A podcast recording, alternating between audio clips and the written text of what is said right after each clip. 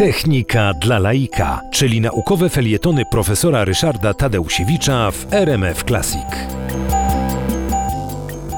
W okresie zaborów największy rozwój e, wiedzy w ogóle, ale w szczególności e, nauk technicznych, nauk praktycznych, e, był w dwóch miejscach, to znaczy w Galicji na Uniwersytecie Lwowskim i na Uniwersytecie Krakowskim, wtedy jeszcze nie nazywanym Uniwersytetem Jagiellońskim, gdzie jeszcze w 1784 roku, bardzo dawno, utworzono na UJ pierwszy gabinet fizyczny i w tym gabinecie fizycznym już przeprowadzano doświadczenia, eksperymenty.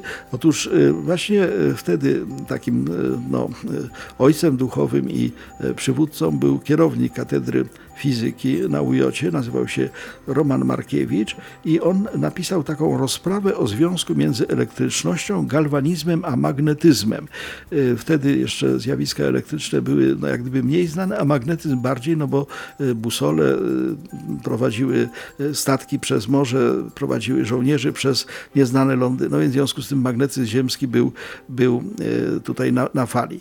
E, Jego następca na stanowisku kierownika katedry, Stefan Ludwik Kuczyński, e, w 1870 roku napisał kolejną książkę o sile magnetycznej Ziemi. Zwróćmy uwagę, cały czas właśnie ten magnetyzm.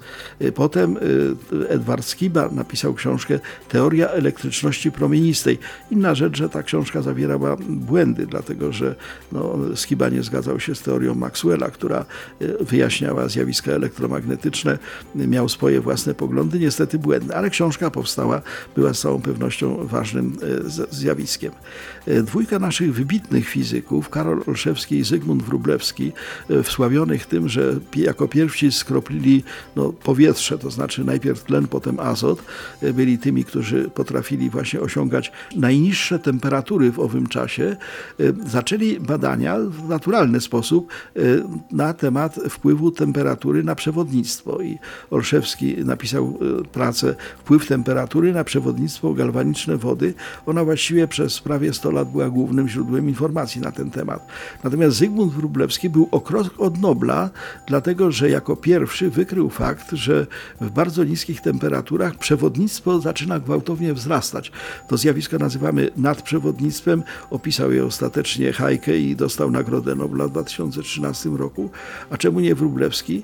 Ponieważ nasz kandydat do Nobla po prostu się spalił. Dosłownie spłonął. Mianowicie Zygmunt Wróblewski 25 marca 1888 roku siedział w swojej pracowni na Ujocie i jakimś sposobem przewrócił lampę naftową, wylał na siebie naftę, zaczął się palić, wybiegł na planty, tam go no, przechodnie, studenci płaszczami ugasili, no ale niestety zmarł. W związku z tym nasz Nobel się nie udał, no, a Wróblewski niestety tragicznie zginął. Taki bywa los wielkich odkrywców.